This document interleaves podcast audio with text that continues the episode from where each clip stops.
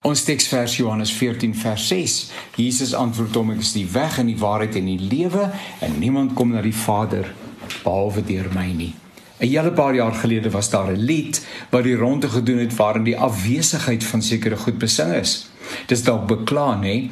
Uh, Byvoorbeeld 'n braai sonder 'n choppie, 'n koei sonder spene, dis van die goed wat onder die loop was. 'n Kaptein sonder 'n skip en ek sonder jou natuurlik is van die dinge wat sorg vir 'n groot gemis.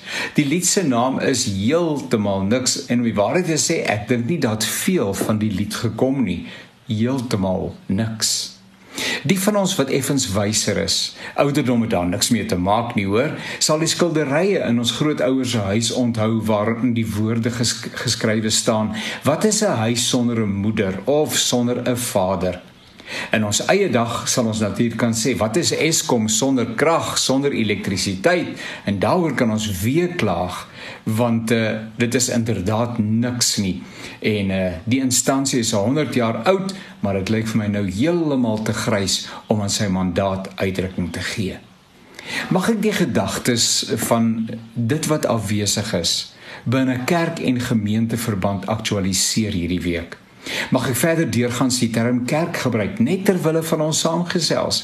Ja, die kerk is die Here se ouder se eiendom en hy sy lewe daarvoor afgelê.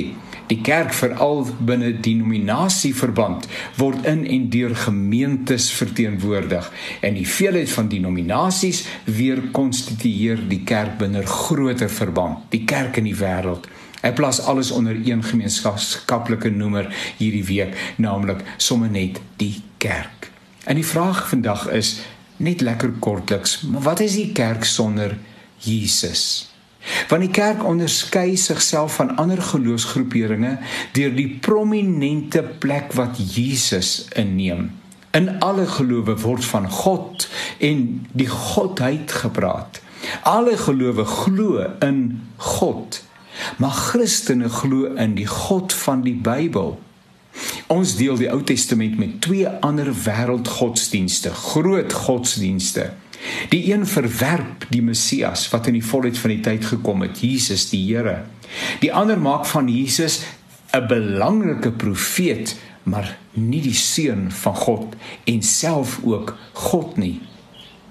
Daar is tientalle splintergroepe wat Jesus 'n plek gee, maar dis nie die Jesus van die Bybel nie.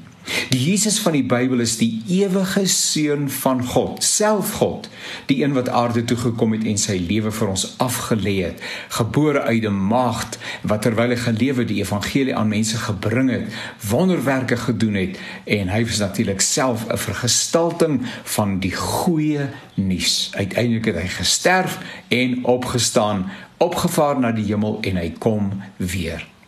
So die vraag is in watter mate Jesus nog prominent is in ons teologie, in ons prediking en in ons kerk. Ek wonder nogal sou verlede Sondag se boodskap net so welkom en aanvaar gewees het in plekke waar Jesus nie erken en bely word nie, doodgewoon omdat ons nooit oor hom gepraat het nie.